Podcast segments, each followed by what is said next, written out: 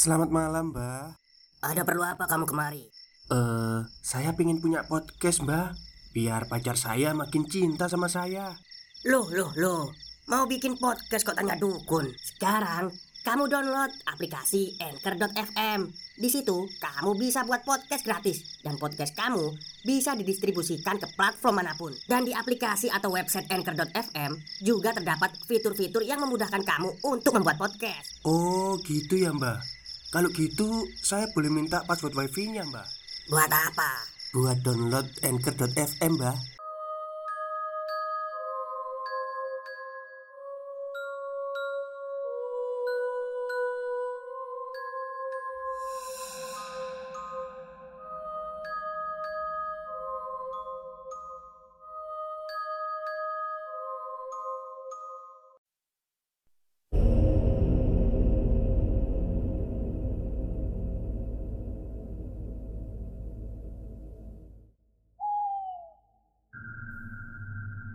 Assalamualaikum warahmatullahi wabarakatuh. Halo semuanya Jumpa lagi dengan saya Chow Sing Sing Kurator dari podcast Horror Night Story.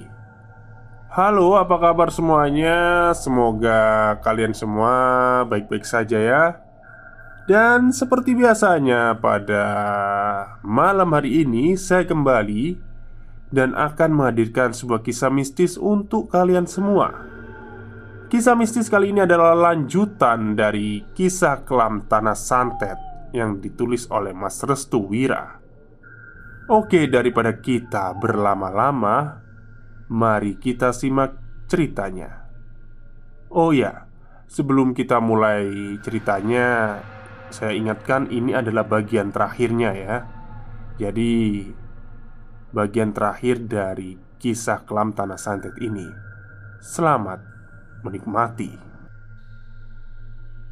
Sebelum usai, gambaran bulan purnama di langit telah terbentuk sedikit demi sedikit. Hari itu, Mbah Goro hanya memperhatikan langit yang sudah semakin memberikan pertanda akan terjadinya peperangan besar yang benar-benar memberikan sebuah dampak bagi mereka semua yang ada di masa depan. Waktu yang terus bergulir hingga menyisakan sebuah memori yang masih tersimpan rapi di pikiran Bagoro saat dirinya bersama dengan Handoyo dan juga Simbah Kakung dalam mempertahankan lahan lambean gunung. Dan sekarang, kejadian yang sama akan terulang kembali Entah bagaimana dan apa yang terjadi ke depannya. Mbah Goro berharap Tidak ada korban jiwa di pihaknya Dan benar-benar dalam keadaan selamat Agar bisa berkumpul lagi seperti biasanya. Namun Hal ini tidak semudah dengan apa yang dia pikirkan. Selain Mas Paijo Lawan terberat dari Mbah Goro sendiri adalah seseorang yang berasal dari alas getih karam. Kini tugasnya semakin berat. Dirinya harus maju di garda terdepan untuk melindungi orang-orang yang secara keilmuan kanuraganya sendiri belum mampu, kecuali Simbah Uti yang memang masih ada garis keturunan dengan penduduk dari desa Segoro Kidul. Bukan berarti dengan hadirnya Simba Uti semua akan menjadi aman-aman saja tanpa ada kendala. Masih ada pekerjaan lain yang harus diselesaikan terkait dengan Mas Paijo yang benar-benar bekerja sama dengan para demit dari Bolo Demit dan mampu membuat transaksi dengan demit wedus ireng adalah salah satu hal yang sangat berat.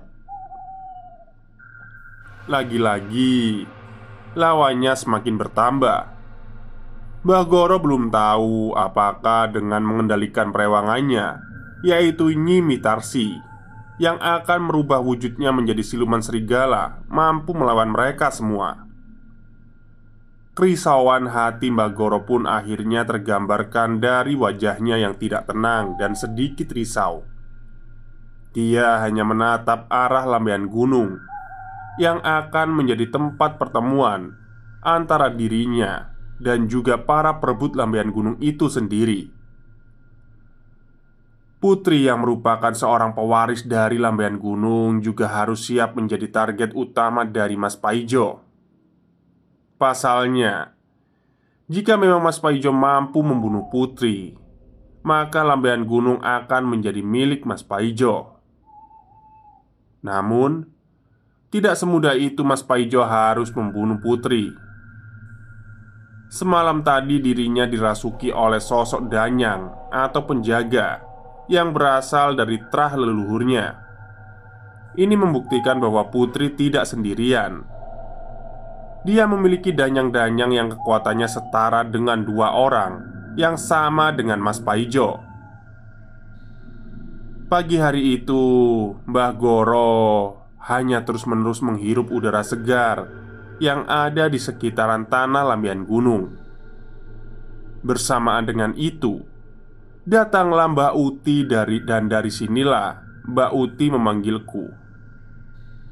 Putri, kemari. Mbak Goro yang mendengar suara Mbak Uti langsung terkejut. Dirinya tidak menyadari Jika Mbak Uti sedang memperhatikannya Iya mbak, sebentar Putri pun langsung menghampiri Mbak Uti yang sudah ada di dekat Bagoro. Mereka pun akhirnya saling bertukar cerita. Hari-hari ini aku sering sekali menghirup udara segar. Tampaknya ini adalah hirupan di hari terakhirku. Jelas Bagoro. Hus, nggak usah bilang kayak gitu, Pak Mali. Mbah Uti bersikeras untuk menghentikan apa yang dikatakan oleh Mbah Goro barusan. Dia tahu jika malam nanti akan jadi pertumpahan darah dari dua pihak yang benar-benar membuat banjir darah di sekitaran tanah lambean gunung. Malam ini, biar aku saja yang berangkat ke sana. Aku sudah tahu siapa yang akan ada di lambean gunung Ucap Bagoro Maksudnya mbah? Tanyaku Mas Paijo akan mendatangi rumah ini. Bagoro masih terpikat dengan suasana desa yang masih asri dan nyaman itu. Tak disangka dirinya akan menghadapi malam-malam yang penuh dengan ketakutan Obrolan pun masih dilanjutkan. Kali ini Mbah Uti yang membuka obrolan terlebih dahulu. Jika kelak nanti Mas Paijo datang Apa yang harus kami lakukan? Tanya Mbah Uti. Mbah Goro pun langsung menengok ke seluruh isi rumah. Ternyata ada beberapa tempat yang ada di sekitaran rumah yang sudah tertanam bambu kuning Tancapkan bambu kuning hingga melingkar ke setiap sisi rumah ini Lalu letakkan tiga kepala kambing di hadapan rumah. Tunggu sampai di mana Mas Paijo sendiri yang masuk ke dalam rumah. Jelas Mbak Goro. Lalu gimana dengan lambean gunung? Aku akan menghadapi banyak musuh di sana. Jika kelak jasadku terbaring di sana, letakkan jasadku dan kuburkan di dekat lambean gunung. Mbak Uti langsung memeluk Mbah Goro dia merasakan apa yang memang akan terjadi malam hari nanti.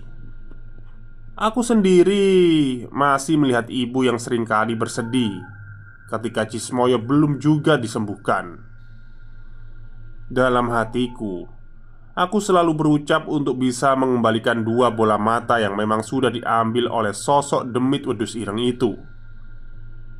Jika malam ini benar-benar sesuai dengan rencana, maka rencana yang disesuaikan oleh Mbak Goro akan membawa kemenangan bagi kita. Mbak Goro meminta kepada Mbak Uti untuk menjaga di bagian belakang rumah untuk menghadapi demit wedus direng. Sedangkan Mbak Goro dia akan menuju ke lambean gunung untuk melawan orang yang telah membunuh Pak Handoyo. Dan terakhir adalah aku dengan ibu kami berdua akan menjaga Cismoyo dan juga Simbah Kakung dari Mas Paijo. Sebelum akhirnya subuh tiba, kami akan terus melawan mereka hingga beberapa dari mereka akan mati dan menyatakan untuk menyerah. Saat ini, kami hanya selalu berharap jika Mas Paijo dan yang lainnya kalah dalam memperebutkan lambean gunung. Lalu, Kismoyo dan juga Simbah Kakung keduanya bisa pulih kembali. Bagian ketujuh Purnama berdarah Malam harinya saat di mana semua sudah mempersiapkan untuk menghadapi peperangan yang terjadi di lambean gunung Simba Uti dan juga Mbak Goro telah menyiapkan semuanya Seluruh bambu kuning telah berada di sekitaran rumah Lalu Tak lupa tiga kepala kambing Yang sudah diletakkan di hadapan rumah untuk menahan banyaknya demit Yang masuk ke dalam rumah Bagoro memperhatikan purnama yang sangat indah itu. Namun, seperti memiliki kesan yang agak mengerikan.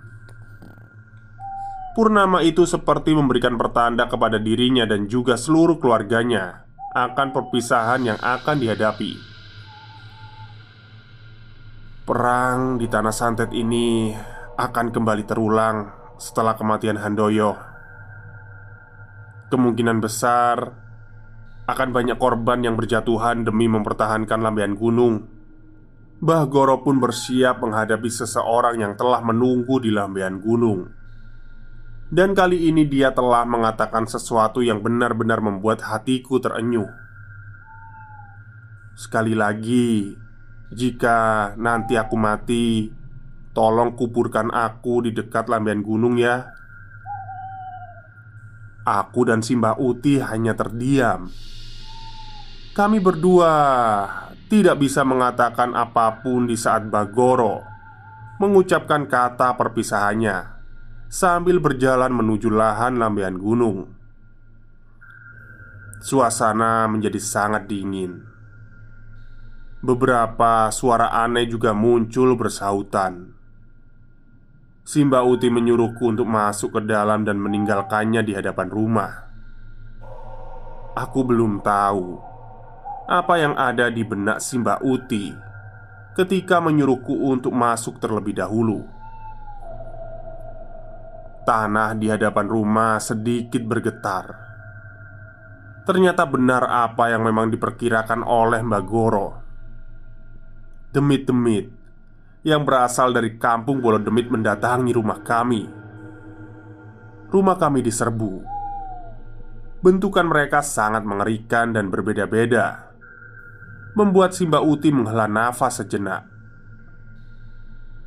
Jika memang bisa disebutkan satu persatu, demit itu memiliki sebuah bentukan yang tidak semuanya menyerupai apa yang pernah aku pikirkan sebelumnya. Dari bentukan wajah, tubuh, tangan, dan kaki, semuanya memiliki bentukan yang sangat aneh dan berbeda. Ada yang memang memiliki bentukan seperti pocong, genruwo, kuntilanak, dan lain sebagainya.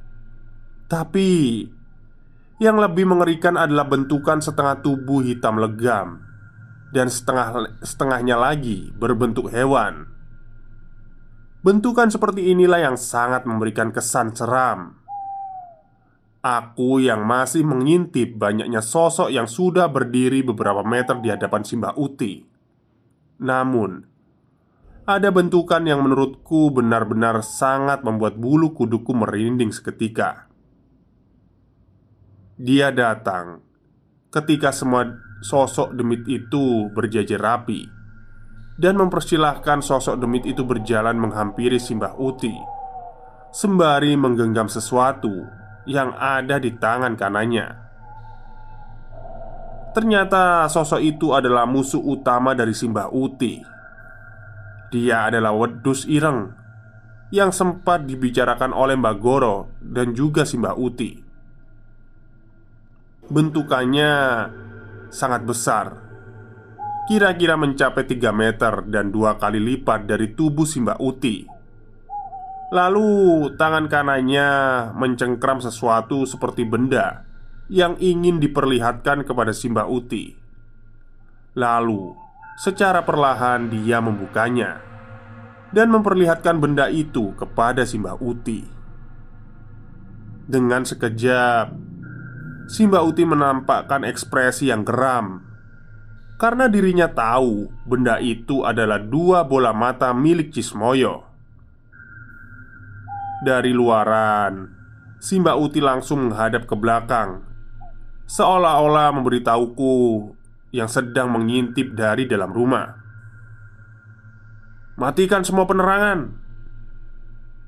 Dengan sekejap Demit-demit yang berada di belakang demit wedus ireng itu berterbangan ke arah rumah Aku sendiri terkejut saat melihat sosok kuntilanak dan pocong melayang-layang seperti kain yang ditiup angin menuju ke rumah.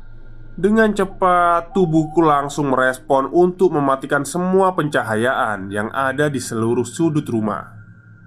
Aku langsung berteriak ke arah ibu. "Bu, ibu, mereka datang!" Teriakku. Aku pun langsung membuka pintu kamar dan mempersilahkan aku untuk masuk ke dalam kamar. Ibu langsung memelukku dan mencoba menjagaku agar tidak tertangkap oleh demit-demit itu. Suara tawaan yang melengking, langkah kaki yang berat, dan suara eraman telah berada di sekitaran rumah. Bagiku, keselamatan Cismoyo dan juga Simbah Kakung adalah harapan terakhir. Keduanya harus benar-benar segera diselamatkan. Jika tidak, maka rencana kami semua untuk bisa mempertahankan lambaian gunung dan juga menyelamatkan keduanya akan benar-benar sirna dan hancur. Ibu mendekap tubuh Cismoyo yang mulai resah karena hawa keberadaan para demit itu sudah terasa olehnya. Kedua yang tertutup oleh kain putih Dan kepalanya yang selalu menengok-nengok mencari cahaya Dari gemerlapnya penglihatan Cismoyo Bu, kok rame kita, rumah kita rame banget Dek, rumah kita lagi diserang Loh, mbak mana bu? Aku langsung mendekatkan diri ke arah Cismoyo yang sedang meraung-raung Ketakutan karena tidak nyaman akan keadaan rumah Ibu terus memeluk Cismoyo hingga menenangkannya. Dari kejauhan, suara ledakan terdengar dengan sangat jelas. Aku semakin khawatir dengan keadaan Mbak Uti yang sedang menghadapi demit wedus ireng itu. Sesekali, aku mengintip luaran kamar, dan hal itu tak terduga. Di depan pintu depan rumah sudah berdiri tiga sosok wanita menggunakan gaun putih kecoklatan. Warnanya sangat jelas, lalu rambutnya yang panjang menjuntai hingga ke lantai. Aku langsung menutup mulutku dan kembali ke dalam. Ibu yang melihatku ketakutan langsung menanyakan ada apa barusan. Ada apa di luar? Bu, mereka sudah masuk. Ibuku langsung menyuruh kepadaku untuk tidak membuka pintu lagi karena memang di luar banyak sekali demit yang berusaha menguasai rumah. Oh, ini mengingatkan saya pada film Harry Potter ya. Yang perang terakhir melawan Voldemort itu. Itu kan kastilnya diserang oleh pelahap maut itu. Serem itu. Pasti ini kejadiannya seru banget ini. Oke, kita lanjut. Hal-hal yang mengerikan pun terjadi secara perlahan di sekitaran tembok rumah dan kamar. Ribuan semut turun secara perlahan ke arah kami. Ibuku pun menyuruh kepadaku untuk pindah kamar dan segera keluar sembari membawa Simbah Kakung yang masih terbujur kaku di tempat tidur. Kami berempat pun diserang dari banyak sisi dan memang sudah tidak bisa berkutik lagi. Karena Memang seluruh rumah sudah dikuasai oleh para demit ini Yang berencana membu yang berencana membunuh kita secara satu persatu. Kami pun masuk ke dalam kamar belakang Di sana tidak ada cahaya apa pun yang bisa masuk ke dalam kamar. Aku memegangi Simbah Kakung sedangkan ibu memeluk Cismoyo. Kami berempat benar-benar pasrah. Jangan berisik. Ada yang datang Ucap ibu dari luaran. Kami mendengar suara tawaan yang sangat jelas. Silih berganti suara itu terjadi kadang-kadang Suara lompatan juga terdengar sangat jelas di luaran Lalu ada suara ringkikan tawa yang terus-menerus bersautan. Ibu menyuruhku untuk menutup mulut agar mereka tidak mengetahui keberadaan kami. Tiba-tiba saja, aku merasakan ada sesuatu yang sudah berada di sebelahku. Aku merasa ini bukanlah tubuh dari Simbah Kakung ataupun ibu dan Cismoyo Perlahan bau busuk itu tercium tepat di sebelahku. "Bu, ibu di mana?" tanyaku. "Ibu di sebelah kananmu, Nak." "Loh, terus yang di sebelah kiriku siapa?"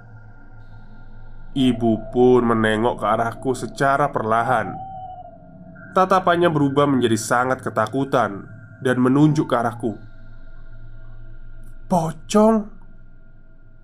Aku pun tak sanggup menahan bau busuk dan rasa takut yang sangat memuncak ini. Tapi perlahan aku lawan rasa takut itu.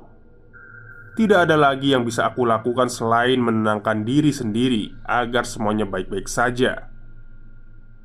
Perlahan bau busuk itu kemudian menghilang. Aku pun langsung memanggil nama ibu. "Bu, kapan kita bisa keluar?" Kamu pindah ke sebelah ibu ya. Aku pun merangkak ke arah ibu Dan mencoba Untuk menenangkan diri. Tiba-tiba Dari belakang tubuh ibu Sudah muncul sosok wanita yang sangat mengerikan. Bentukan wajahnya yang tertutup rambut. Namun sekilas Terlihat banyak luka Yang tidak bisa digambarkan secara detail. Bu, di belakang ibu ada kuntilanak. Ibuku langsung memelukku. Dia mencoba menenangkanku agar yang dilihatnya hanya gangguan belaka. Lalu secara perlahan sosok kuntilanak itu tiba-tiba menghilang dengan sendirinya. Cepat, kamu bawa Cismoyo keluar dari sini.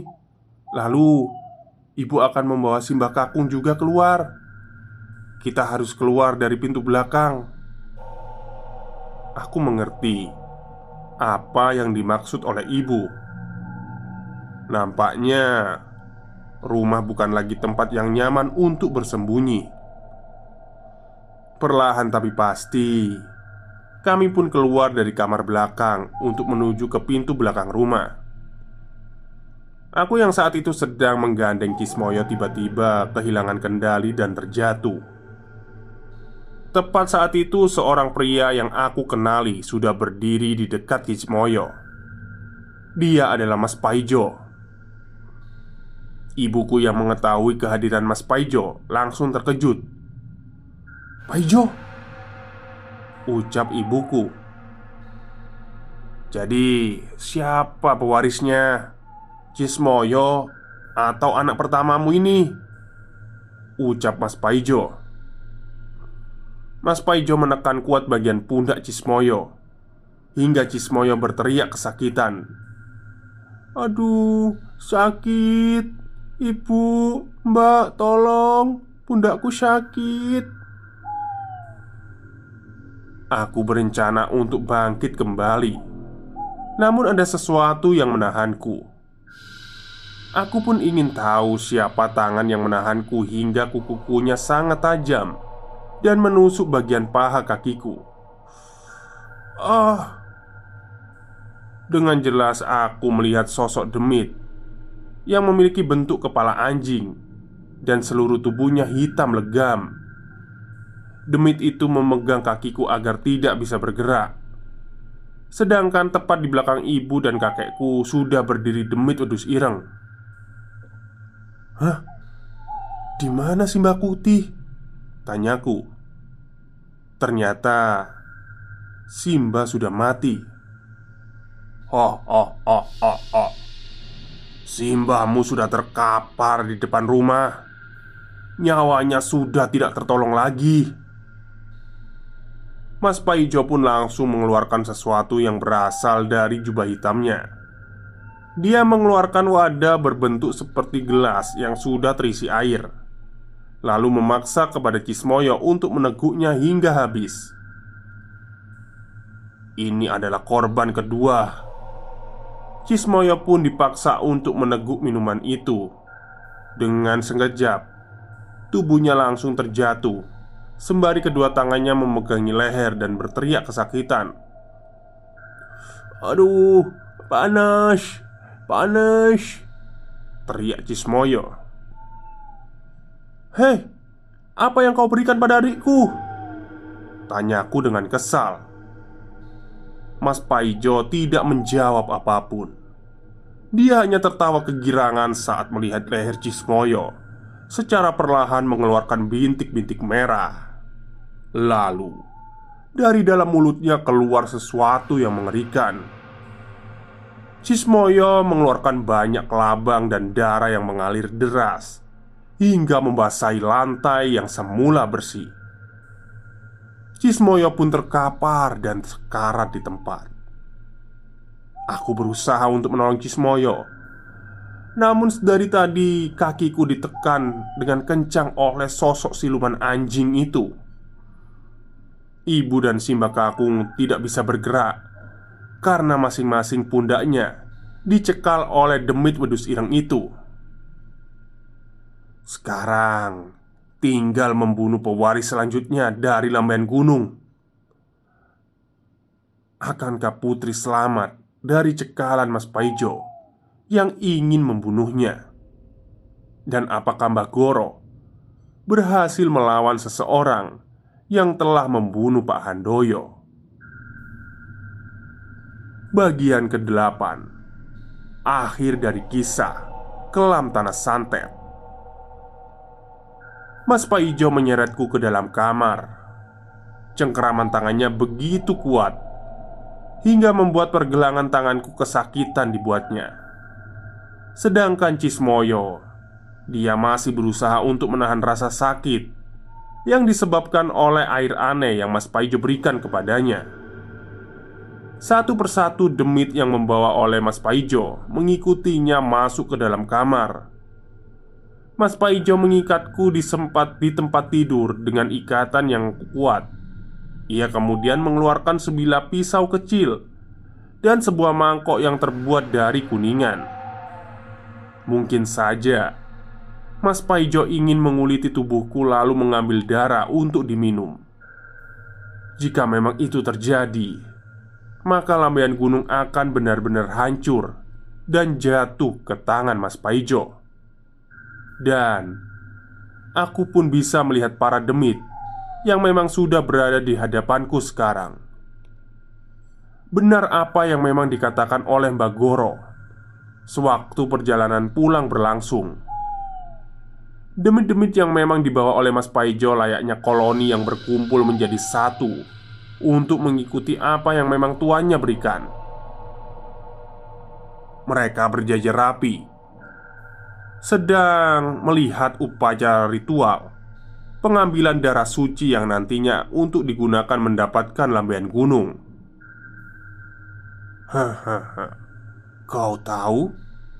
Handoyo merindukan pisau kecil ini Aku mengulitinya sampai mati bersama dukun sialan itu. Namun, karena memang kedatangan Bagoro, hal itu membuatku gagal.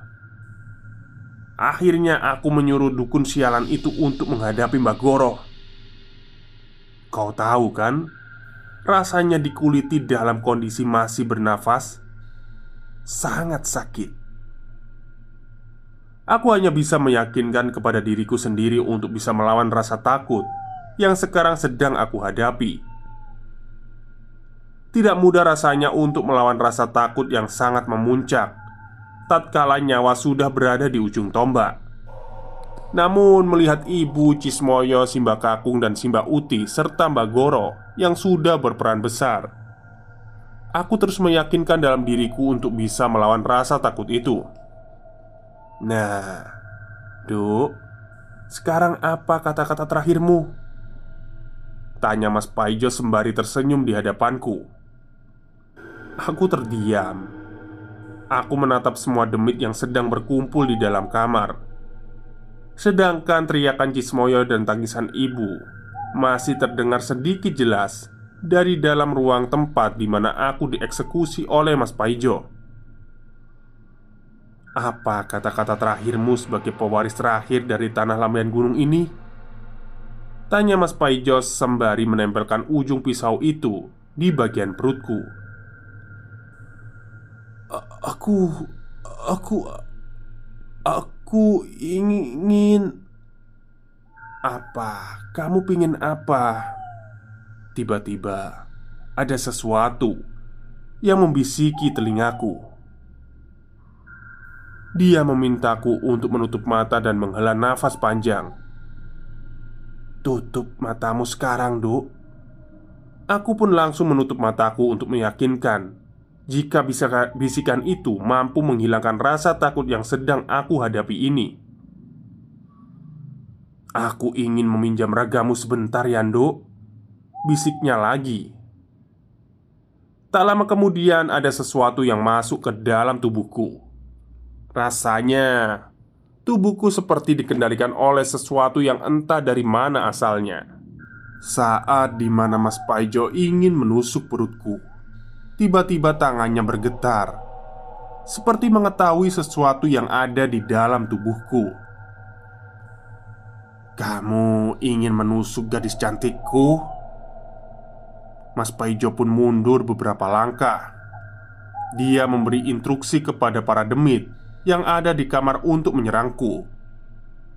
Namun bersamaan dengan itu Lampu kamar menjadi padam Kini sesuatu yang berada di dalam tubuhku berteriak dengan sangat kencang. Wah. Teriakan itu membuat para demit yang lainnya menghilang dengan seketika. Aku melihat Mas Paijo ketakutan. Tubuhnya bergetar hebat Saat di mana tubuhku ingin dikendalikan oleh sesuatu dia tidak menyangka jika aku yang menjadi pewaris selanjutnya dari lambian gunung ini telah dijaga oleh banyak leluhur yang memang sudah digariskan secara turun-temurun. Wajah Mas Paijo pucat. Kali ini yang ada di hadapannya bukan lagi seorang putri yang lemah. Anak cantik ini sudah jadi penerus tanah lambian gunung Mas Paijo terperanjat mendengar suara itu. "Kamu siapa?" "Kamu nggak ingat sama aku?" Tanya sosok yang merasuki tubuhku. "Jangan bercanda." Perlahan, ikatan tali yang mengikat kedua tanganku terbuka begitu saja. Dari situlah, Mas Paijo percaya jika ada sesuatu yang memang merasuki tubuh putri kamu yang mengambil bola mata pewaris pertama? Padahal aku sendiri sudah memberitahu kepadanya untuk berhati-hati Agar tidak menemui orang sepertimu. Ucap putri dengan suara yang berat. Mas Paijo pun mundur beberapa langkah. Tujuannya adalah ingin kabur meninggalkanku sendiri. Namun saat di mana Mas Paijo telah membuka pintu kamar ada sesuatu yang keluar dari tubuhku hingga membuat tubuhku terjatuh karenanya. "Mas Paijo!" teriakku. Namun, di mana Mas Paijo telah membuka pintu kamar, ada sesuatu yang keluar dari tubuhku hingga membuat tubuhku terjatuh karenanya. "Mas Paijo!" teriakku lagi. Mengetahui hal itu, Mas Paijo pun berlari menuju ke arah belakang rumah dan meninggalkanku yang masih berada di dalam kamar. Mas Paijo berlari menuju ke arah belakang rumah, meninggalkanku. Saat di mana Mas Paijo keluar dari kamar, ibu hanya terdiam sembari menangis. Dia memeluk Cismoyo. Namun ternyata Mas Paijo tidak mempedulikan ibu dan Cismoyo. Mas Paijo lebih memilih untuk menyelamatkan dirinya menuju ke lambean gunung.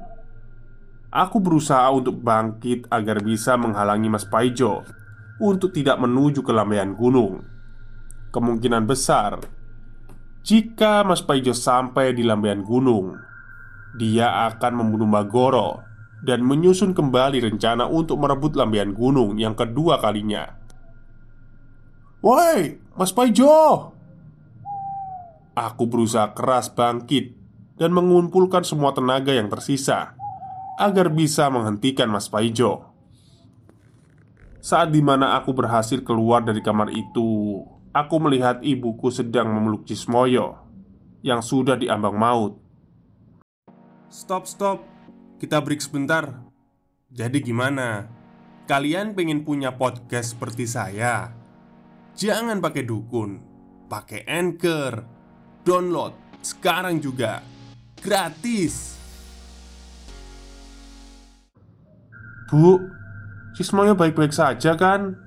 Tanyaku Cismoyo Nafasnya Jantungnya Udah lemah Sepertinya terkena banyu pati Entah mengapa Melihat Cismoyo yang tidak bisa bergerak seperti itu.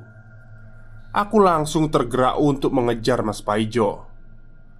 Aku berencana untuk meminta kepadanya agar Mas Paijo bisa menyembuhkan Cismoyo Atau setidaknya memberi penawar. Saat di mana aku bangkit Ibu menarik tanganku terlebih dahulu. Dia memintaku untuk menyelamatkan Cismoyo dan Simbah Uti Duk Simbah Uti belum meninggal. Cismoyo juga masih bisa diselamatkan. Tolong Selamatkan yang bisa kamu selamatkan. Jangan sampai Mas Paijo pergi ke lambaian gunung untuk membunuh Mbak Goro.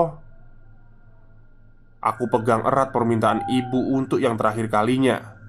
Karenanya kemungkinan besar Ini terjadi pesan terakhir untuknya Untuk aku agar bisa menyelamatkan Cismoyo Dan juga Mbak Uti Suara langkah kaki Mas Cismoyo, maksudnya Mas Paijo, semakin menjauh. Putri sempat mendengar suara nafas yang berat. Kemungkinan itu adalah suara nafas dari Mas Paijo sendiri.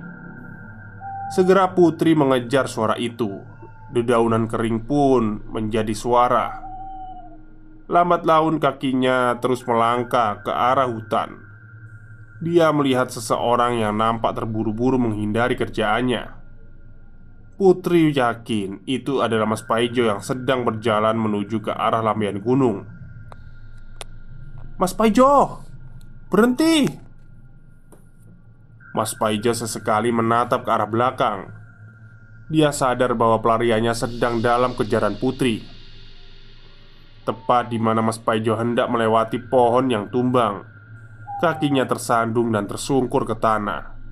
Kaki kanannya langsung bengkak seketika. Mas Paijo merasa ini pertama kalinya. Dia merasakan hal aneh hanya perkara terjatuh karena terkandung. Mas Paijo rasa ada sesuatu dengan sengaja menjatuhkannya begitu saja. Dia pun mencari penyebab tubuhnya yang bisa terjatuh begitu saja Dari balik pepohonan. Keluar siluman serigala yang datang begitu saja. Demit itu merupakan perewangan dari Mbak Goro. Dewi Mitarsi Ucap Putri ketika melihat sosok serigala itu. Dan ternyata Saat Dewi Mitarsi mendekati Mas Paijo Dari balik pepohonan yang berseberangan Muncul juga sosok demit wedus ireng Yang menampakkan kemarahannya kepada Dewi Mitarsi Dewi Demit Wedus Ireng itu perlahan mendekati Dewi Mitarsi yang berkeinginan untuk membunuh Mas Paijo. Suara auman serigala yang begitu kencang membuat tubuh putri merinding seketika.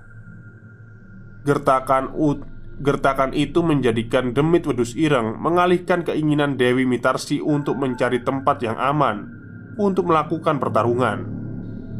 Kini Dewi Mitarsi dan juga Demit Wedus Ireng berpindah tempat untuk melakukan sebuah pertarungan besar.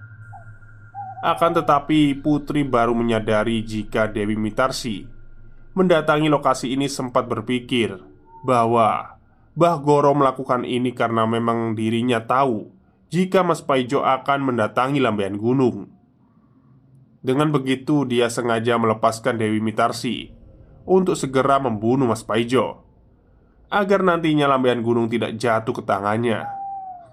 Namun, jika Mbah Goro melakukan itu semua, itu artinya Mbah Goro sengaja mengorbankan diri dengan bertarung melawan dukun dari sekutu Mas Paijo tanpa menggunakan perewangan. Mas Paijo pun bangkit, dia mulai kembali berjalan menuju lambean gunung. Tekadnya yang kuat untuk bisa mendapatkan lambean gunung telah ia rumuskan sejak lama. Dengan bangkitnya Mas Paijo, aku pun tidak gentar lagi untuk menghentikannya. Kini dia cepat-cepat harus dihalangi. Sesaat sebelum Mas Paijo hampir tiba menuju lambean gunung, aku segera mempercepat langkah kakiku untuk bisa menghalanginya. Dia tahu kaki kanannya sudah tidak bisa digerakkan kembali. Dengan begitu, kesempatan untuk menghentikan Mas Paijo terbuka sangat lebar. "Woi, Mas Paijo!" Teriakku Mas Paijo yang terkejut saat kehadiranku sudah berada tepat di belakangnya Dan sempat ingin menghindar Namun kaki kirinya terkilir dan terjatuh untuk yang kedua kalinya Aku pun dengan leluasa Bisa melakukan apa pun untuk menghentikan Mas Paijo yang sudah tidak berdaya itu. Namun sesuatu yang aneh hadir kembali di dalam tubuhku. Sesuatu yang sudah keluar dari tubuhku Kini masuk kembali ke dalam ragaku Dan langsung mengganti posisiku. Sudah cukup larinya nak? Tanya Putri. Raut wajah Mas Paijo berubah drastis Dia seakan tahu siapa yang merasuki tubuh Putri saat ini Bersamaan dengan itu, dari dalam hutan terdengar suara auman serigala yang menandakan jika Dewi Mitarsi baru saja memenangkan pertarungannya dengan Demit Wedus Ireng. "Ampun, tolong jangan bunuh saya, tolong!" ucap Mas Paijo dengan menampakkan ekspresi wajah yang penuh ketakutan. "Aku tidak akan membunuhmu." Tapi yang akan membunuhmu adalah Bersamaan dengan itu, para demit yang berada di dalam hutan langsung keluar secara bersamaan. Mereka adalah para demit yang dahulunya sekutu dari Mas Paijo. Gak mungkin, bagaimana bisa ini terjadi? Putri mendekati Mas Paijo yang sedari tadi memohon-mohon kepadanya agar bisa dibebaskan. Kau tahu, pewaris pertama dari lambean gunung ini sudah diambang sekarat. Dia adalah orang pertama yang aku kunjungi. Lalu, para demitmu itu tidak berpengaruh apa pun di hadapanku. Semua yang ada di wilayah lambean gunung, Segorok Kidul, atau Kampung Bolo Demit, semuanya berada di tanganku. Jadi jangan sekali-kali tanganmu menyentuh pewaris dari lambean gunung. Aku minta maaf Nyi. Aku minta maaf. Kamu sudah kelewatan Paijo Handoyo Yang merupakan pewaris awal harus mati mengenaskan karena ulahmu. Kini anaknya yang bernama Cismoyo juga dalam keadaan sekarat Lalu kakek neneknya juga berada di ambang kematian. Sudah banyak nyawa yang melayang karena keserakahanmu dalam berambisi. Aku hanya ingin dibebaskan, Nyi. Putri mendekati Mas Paijo. Tepat di belakangnya, para demit sudah berdiri untuk menunggu aba-aba dari sosok yang merasuki tubuh Putri. Saiki, kue arep bebas? Tanya Putri. Nggih, Nyi. Nyuwun sewu.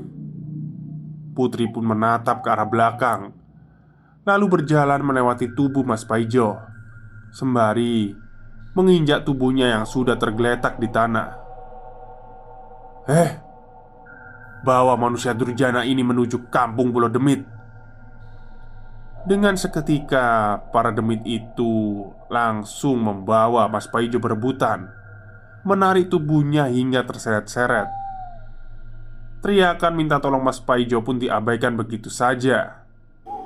Dia dibawa oleh para demit itu ke dalam hutan dan disuguhkan tubuhnya ke kampung Bolo Demit.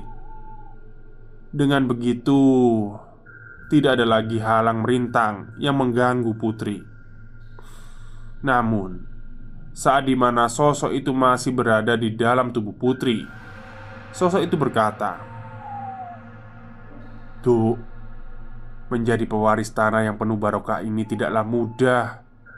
Terkadang kamu harus menerima rasa sakit dan kehilangan orang-orang yang mencintaimu secara tulus. Aku harap jika adikmu, kakekmu, nenekmu tidak selamat, kamu masih punya ibu yang terus membantumu untuk menjaga lampian gunung. Bersamaan dengan itu, sosok itu keluar dari tubuh putri. Putri yang terpental karena dorongan energi besar yang begitu kuat. Tiba-tiba, tubuhnya merasakan kesedihan yang paling mendalam. Di hadapannya sudah tergeletak dua orang yang perutnya sama-sama tertusuk bambu kuning.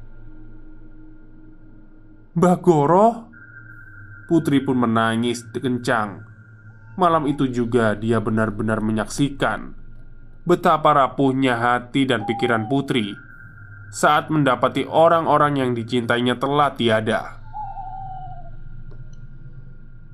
Versi orang pertama, aku pun kembali ke rumah sembari penuh kesedihan.